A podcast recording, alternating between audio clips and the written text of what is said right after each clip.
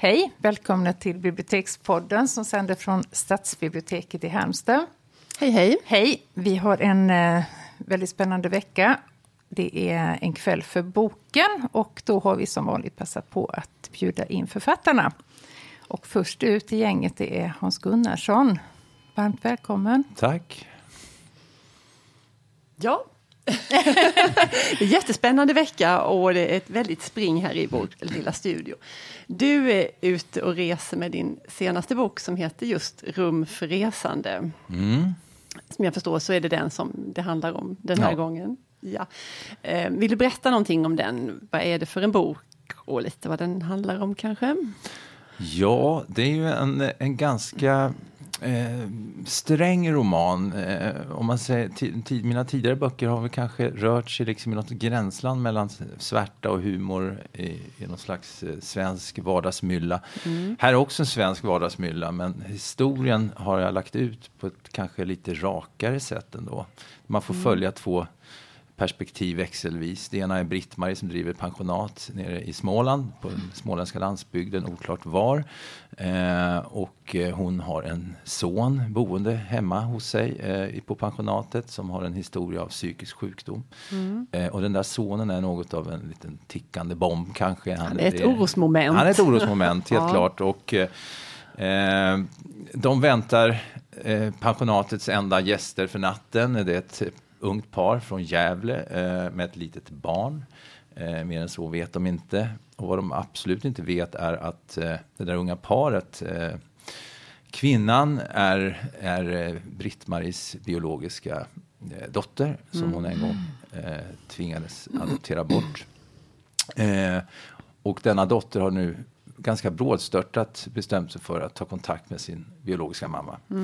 Eh, men istället för att kanske gå lite försiktigt eh, och eh, mera tankfullt tillväga så har hon bestämt sig för att åka ner och nästan det, man kan säga att hela resan ner till Småland är ett slags eh, tvekande. Eh, eh, det, det finns en, de, den är ledsagad av, av eh, en, eh, en, ett ifrågasättande kan man säga. Och det ifrågasättande står i hög grad eh, Josef för, vars pers perspektiv, hennes man, vars perspektiv vi får följa växelvis med Britt-Maries. eh, jag tänker också när jag läste den att, att det, det finns också någon, en tvekan hos henne själv. Där, Ja, absolut, att, det gör det. För Ja. hon, eh, Ja, det det, är är nog- något brev som hon aldrig, Ja, som, precis. som de har formulerat tillsammans. Mm. Och han är så engagerad i hennes historia, nästan lite rörande, så här, men på ett schysst sätt. Och, Han är också adopterad eh, och eh, en gång när de träffades så såg de väl nästan en poetisk bekräftelse på deras samhörighet de båda var adopterade.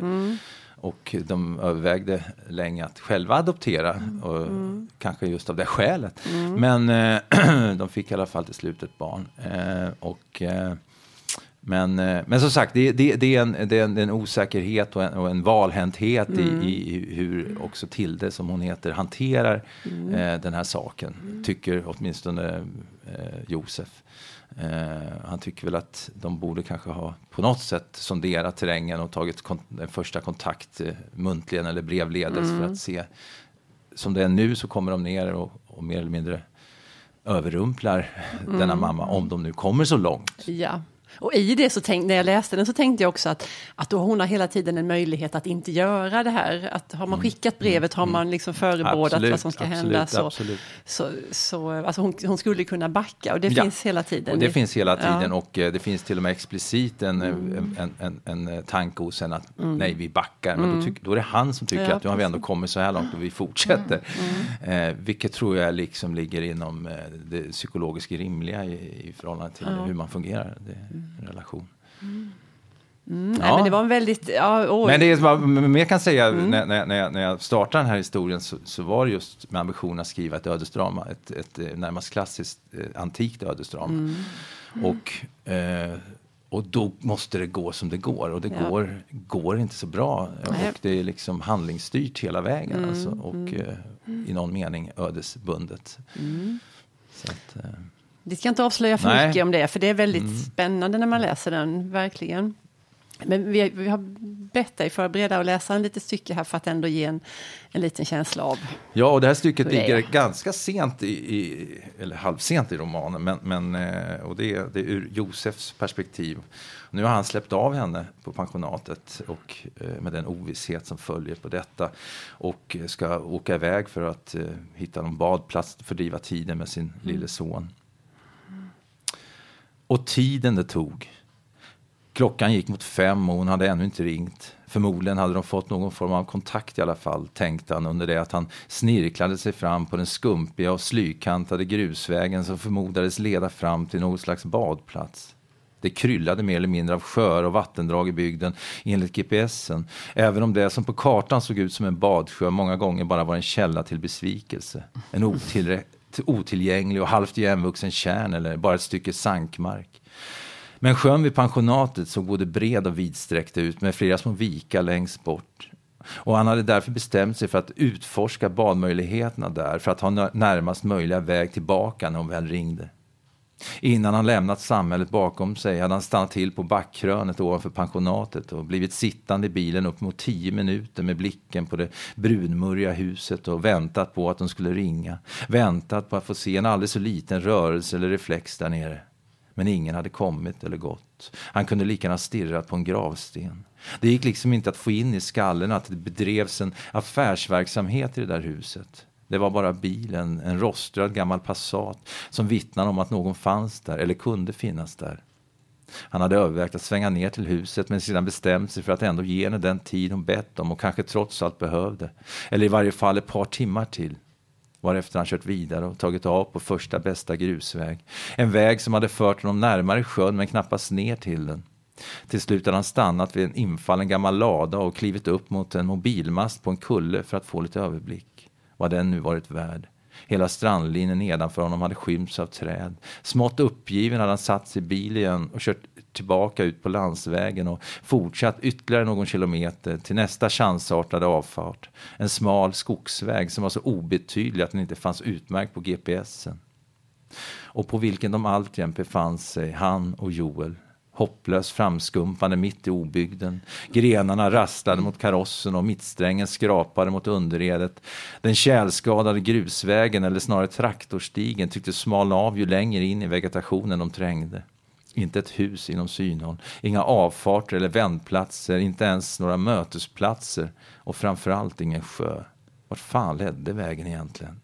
GPSen hade hängt sig upptäckte han, eller kopplats ur på något jävla vänster. Skärmen var helt blank. Vad fan. Bilen stötte i en grop vilket fick Joel som var på väg att somna att oroligt vakna till i barnstolen. Han kollade telefonen och blev varse att han inte hade någon täckning längre.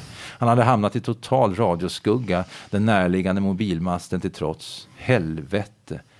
I nästa stund hörde han det instängda, basdunkande ljudet från en bilstereo. Det är inte sant, tänkte han. Han fick syn på den svarta, nedsänkta Volvon i backspegeln. Det är inte sant. Ja. Åh, fy. Ja, ja. det kommer ju bli en osökt bra övergång till nästa fråga där, för jag tycker att jag har som jag sa tidigare faktiskt läst alla dina böcker, förutom den här som jag inte har hunnit med ännu. Och ett återkommande tema, det är ju det här ganska vardagliga, det är småstad, det är inget, eh, ingen glamour, det är på ytan väldigt grå lunk, men det är en, ändå en underliggande spänning i det. Hur, hur bär du det åt och hur väljer du ut de här berättelserna? Eh, jag vet, man får nog backa bandet lite. När jag började skriva så, så var det eh, med stora intryck av eh, vissa författare eh, som utforskade just vardagslivet, mysterier och eh, hotfulla spänningar under ytan. Eh, och det är, det är författare som Raymond Carver och eh, Tobias Wolff och svenska berättare, novellister som Torsten Jonsson och så vidare. Eh, och det, jag tror att det, delvis den bakgrunden. Per-Gunnar Evander var också en författare som betydde mycket för mig en gång i tiden. Och eh, som, som berättade för mig också att eh, genom sitt, sitt berättande att eh, en, en, en, en skönlitterär text måste inte innehålla en massa explicit eller yttre våldsamma spektakulära handlingar för att bli riktigt oroande och spännande. Utan det räcker gott och väl med ett stycke vardag. Mm vi människor har liksom väldigt mycket inom oss och skapar så mycket märkliga spänningar mellan oss eh, så att det räcker och blir över. Mm. Och det där fick väl mig att utforska också, kanske någonstans eh, de historier och människor jag skriver fram kanske också finns eh, intuitivt i min bakgrund också. Eh, jag menar, det är människor som är ganska eh, lätt vilsegångna i tillvaron, människor mm. som eh, som har kört fast kanske delvis i relationen, delvis mm. i sina egna liv. Mm. Det är någon slags eh, miss, ett, ett, slags, eh, om än aldrig uttalat, så ändå ett slags misslyckande, tillkortakommande. Mm. De knyter näven i fickan och kanske mm. försöker lösa sina mm. konflikter och gör saker bara etter värre. Eh, men eh, jag tror att de bär på en saknad också, en djup saknad och jag tror no, innerst inne så saknar de sig själva. Liksom. Mm. Någonting som liksom gör dem hela. Och, eh, så det, det, det, det, det, det är en slags eh, svärtad, eh, lätt svärtad vardag liksom, mm, som, har, som, som där, mm. och som också får ganska mycket eh, komiska övertoner emellanåt. Liksom, så att, eh, det är så livet ser ut. Det är liksom inte det oh, ena ja. eller det andra Nej. utan eh, det svärtan. För jag tänkte på när du berättade om det här paret då, som mm. är eh, två av huvudpersonerna i Rum för mm. resande, att det lät lite grann på det som att du också hängde med och inte visste riktigt vad de skulle hitta på. Nej, men så är det ju också. Eh, mitt skrivande är ju, är ju eh, som en slags undersökning. Va? Det är, mm. det är, jag har ju inte historien klar för mig när jag Nej. påbörjar den.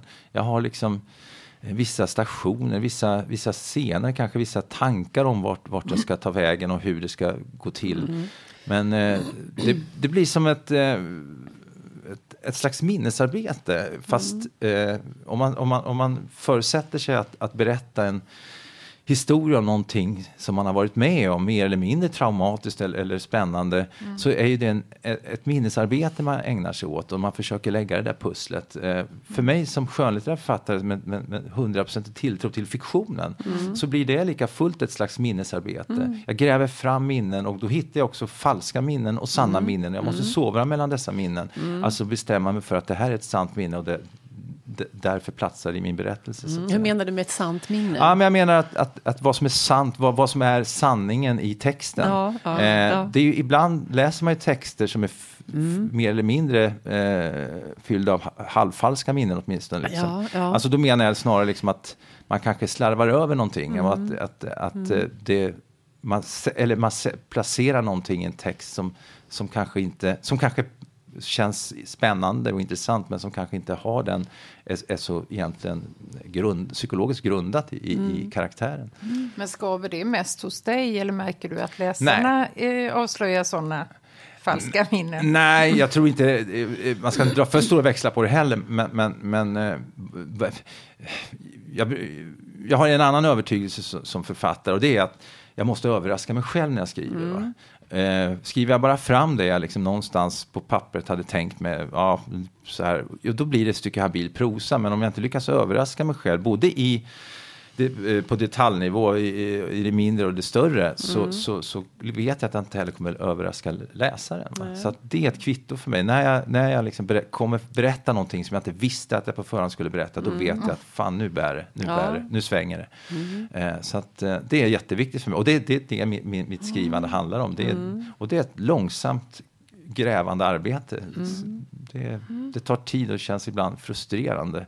Mm. Men eh, lönen man får, det, de, det är de här benådade ögonblicken där man känner att man, man har berättat fram någonting som jag på förhand inte visste att jag skulle mm. berätta. Jag tänker att ibland som läsare så, så, känner man ändå lite på sig det där. Mm. Jag gillade det där uttrycket falska minnen. Mm. Liksom, att man, man tycker ja, sådär. Att, Så bläddrar man på kanske lite. Ja, jo. Jättespännande. Mm. Men, ja, jag är också nyfiken på, alltså, var det självklart för dig det här med att bli författare? Var det något, hade du med dig det? Skri, lästes det och skrevs det i din, där du växte upp? Nej, det gjorde det väl inte. Jag växte väl upp i ett klassiskt arbetarhem, kan man väl säga. Eh, och det lästes en del förstås, det gjorde det. Mm. Men eh, det var där jag också fann Per-Gunnar Evander första gången i, i mina mm. föräldrars bokhylla. Eh, och det var väl i, det var väl i åldern gymnasieåren som jag också hade en svensklärare som var väldigt inspirerande. Och då upptäckte jag vissa författarskap. Det var då jag läste Claes Östergrens Gentlemen eh, första gången. Och eh, man sprang på olika författarskap som, och det berörde mig någonstans. Jag, jag tror jag såg, jag växte upp i Finspång, en bruksort i Östergötland. Och eh, jag såg liksom ingen väg framåt, liksom yrkesväg framåt. Jag såg inte, jag, folk omkring mig hade idéer och tankar om vad de ville göra. En del var nöjda med att bara inte göra någonting särskilt. Men eh, jag hade ett driv i mig, en vilja till någonting annat, men jag visste inte vad. Och det, då, då tror jag såg litteraturen som en, förs- en, livlina då, liksom att det, ett, ett första försök att skaffa sig någon slags identitet som inte var knuten liksom till, till eh, kanske ett yrkesval som stod att finna i Finspång med omnejd. Och det förde mig ut, jag höll på att säga ut i världen i alla fall, bort från Finspång. eh, och eh, där jag började plugga och läste eh, sedermera litteraturvetenskap och i kulturvetarlinjen för, för vilsna människor som inte Ja, vet vad de det har jag också vill. Ja, jag har mött många som Många har vi varit där. Ja, Ja, precis.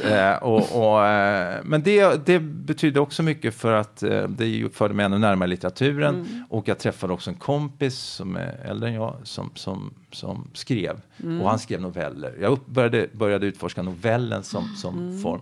Och när jag började skriva, gjorde mina första stapplande försök Mm. eh, eh, s- att skriva så var det ju just novellen som kändes så självklar att välja eftersom jag jag visste inte vad jag ville berätta. Jag ville berätta, men jag hade ingen aning om vad jag ville berätta. Och eh, det kan ju tyckas som en väldigt konstig eh, ingång till skrivande. De flesta kanske har, har någonting som de vill bearbeta eller en angelägen historia som måste ut på papper. Men eh, jag ville bara skriva. Jag var lockad av att försöka skriva eh, ett stycke skönlitteratur, men jag visste inte vad jag ville berätta. Och då, då började jag med novellen och hittade en scen och sen så utgick jag från den. Och det där sättet att berätta har nog följt mig sedan dess egentligen. Att jag är väldigt, jag är aldrig så tom som när man är klar med en roman eller en novell för den delen.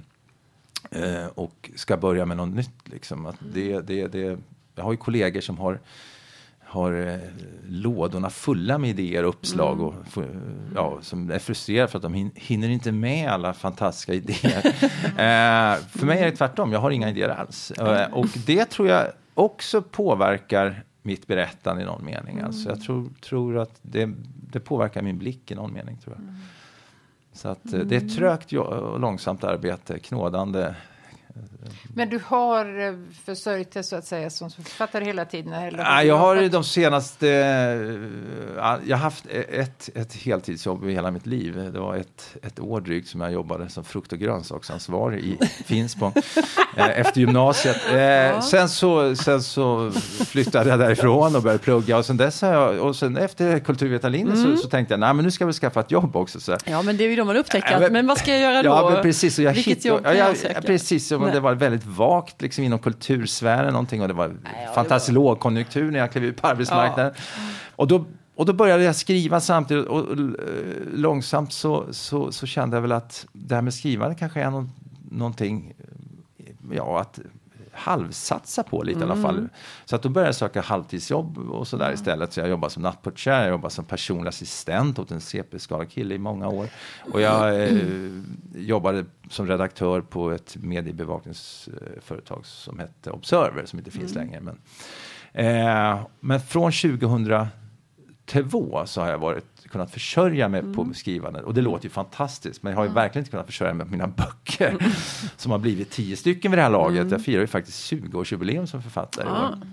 Eh, men, eh, men utan det är filmmanusarbetet som har, har eh, gjort att jag har kunnat leva på mitt skrivande.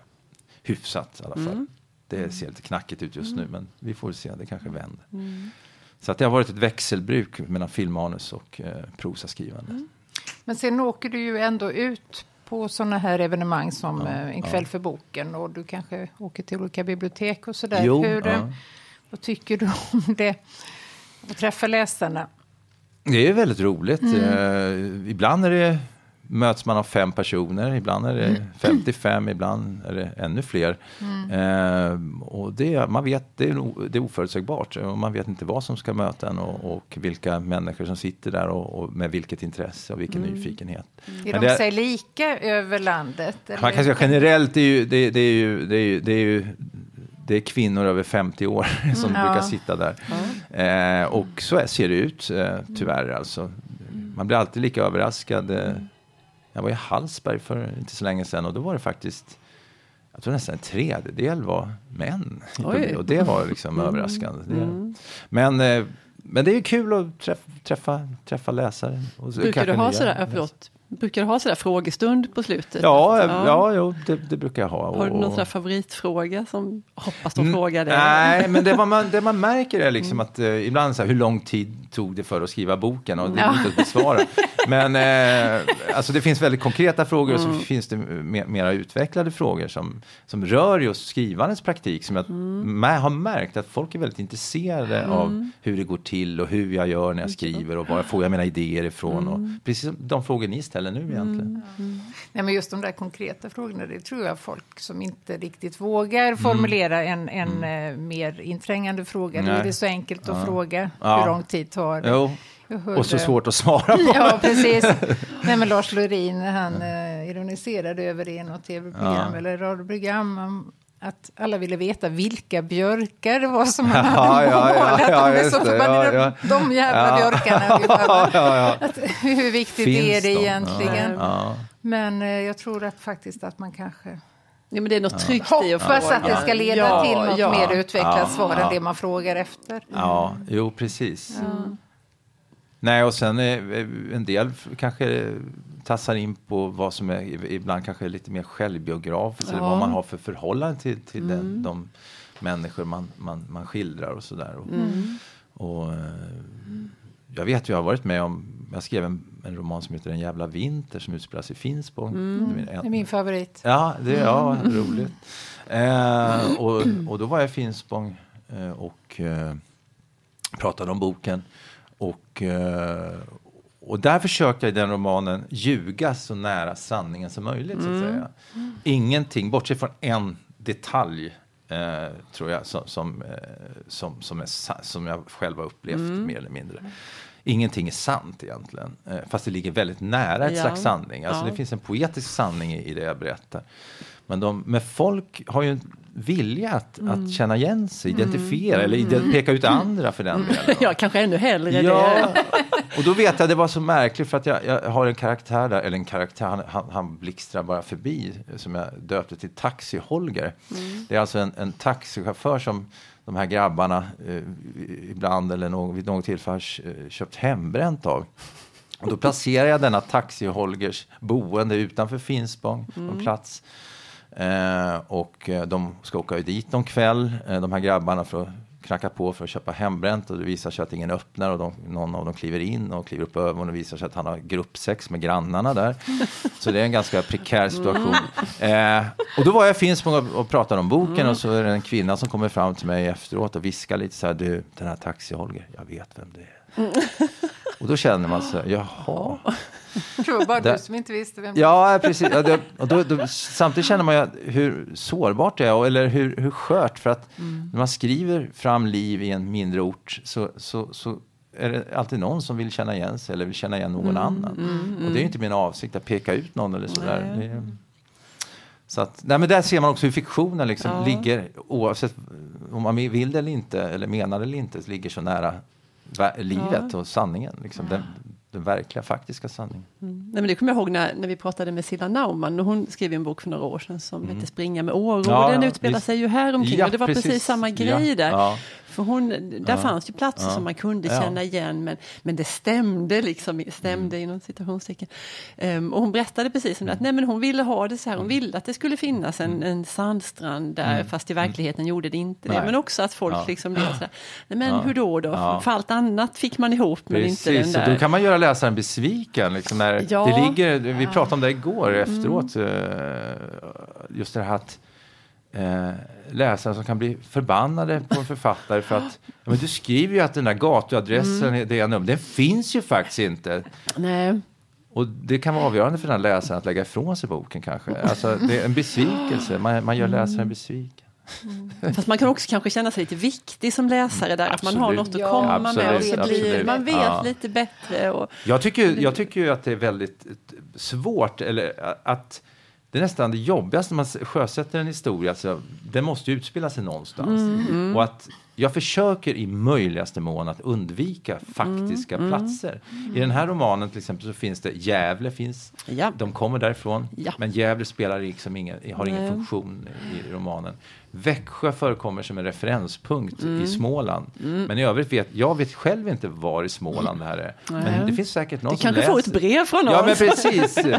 Som känner igen miljön, Ja. Mm. tycker sig känna igen miljön och kan nästan peka ut pensionatet. Och det kanske finns en kvinna, stackars kvinna i Småland som har drivit ett pensionat och har kanske en snarlik Son. upplevelse bakom sig. Men, Mm.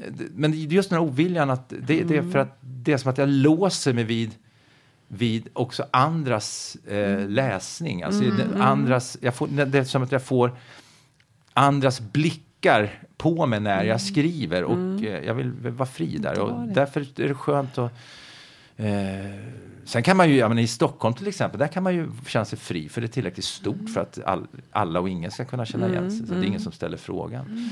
Men eh, rör man sig på en liten ort, en liten miljö, då, då, då finns det en, en sån risk. Ja, jättespännande. Ehm, ja, det här, vi skulle kunna fortsätta prata jättelänge, vi ska inte göra det. Men vi har en liten avslutningsfråga här till dig. Nu är det ju några veckor sedan, men ändå så var det ju ett stort spektakel och höjda ögonbryn och när vi fick veta att Bob Dylan fick Nobelpriset. Mm, ja. Vad tänkte du den dagen? Jag när- blev jätteförvånad eh, när Sara Danius klev ut och sa Bob. Och det var som att det var någon sån jättefördröjning som, som, som, som, som, en efterkonstruktion förstås. Det känns som det var paus på åtta sekunder innan Dylan föll på plats. Men det, så var det ju inte, jag har sett det Nej. efteråt. Men det var så jag upplevde det. När hon var klar med detta Bob Dylan så, ja, jag var nog lika perplex och paff som de flesta faktiskt. Däremot så välkomnar jag det. Eh, det är ju inte alla som har gjort. Nej. Men, men jag tycker att, men det är samtidigt känns det som att hade han fått det här för 20 år sedan så, så hade det varit liksom mera självklart kanske. Men, det Men välkomnar du det, det omedelbart eller är det någonting Nej. som du har... Nej, nej, jag välkomnar det. Jag har ett Mm. starkt förhållande till Dylan. Så jag, jag, jag, jag, eh, jag har väl själv eh, gjort mig skyldig till en del 20-tal eh, tolkningar, Mm. översättningar sådär, av hans låtar. Och, eh, och det, han har betytt mycket för mig. Eh, Mm. Och eh, han är, alltså om man ska se Nobelpriset som, vilket man bör i någon mening eh, ha den dimensionen i, i att hur, hur, hur, hur har en författare påverkat en, sin generation eller den, flera generationer? Och i det här fallet så är det ju på samma sätt som Tranströmer var en självklar eh, Nobelpristagare som en hel värld kunde omfamna och omsluta med rätta. Eh, så kommer ju det här, det var också överraskande för man hade räknat bort honom. Eh, man tänkte att han Ja. får det aldrig och så Nej. får han det. Och så kan man väl säga om det här priset också. Det, det är en värdig pristagare. Han har, han betytt otroligt mycket för eh, väldigt många eh, musiker, poeter och kanske även prosaister, vad vet jag. Men han har ju haft en otrolig påverkan på, på flera generationer. Så att jag tycker att det, det är ett eh, riktigt, riktigt kul val egentligen. Mm. Vilken är din favorittext då, av honom? Eller har du Ja, någon sådär?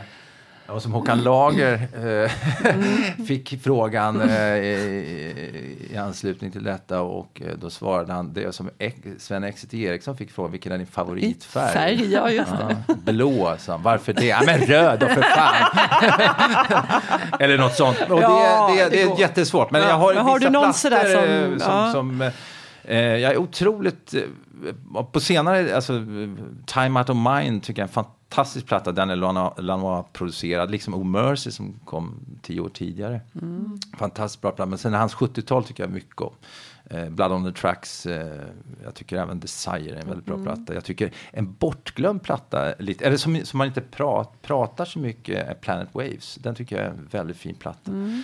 Eh, men alltså man kunde göra en katalog förstås av detta. Men Blond on Blond, inte minst. Den är, den är den Sad Lady of the Lowlands. Fick man ta med sig en låt till en öde kanske, så kanske man väljer den låten. Jag vet Det är den inte. som ligger på en hel sida Ja, på och LPn. där var han ju först med. Alltså. Okej, Ja, Jättecoolt, ja. 33 minuter eller Ja, något. nej, det är så lång. Jag tror att den Är den är nog bara 18 eller Okej, 20 men minuter. lång är den. Ja, lång är den. Ja, Mer än 3,50. ja, ja, precis. Så att, eh, nej, men nej, han, är, han, han har så många ansikten, så många uttryck och han är ständigt Tror du att föränderlig. han kommer?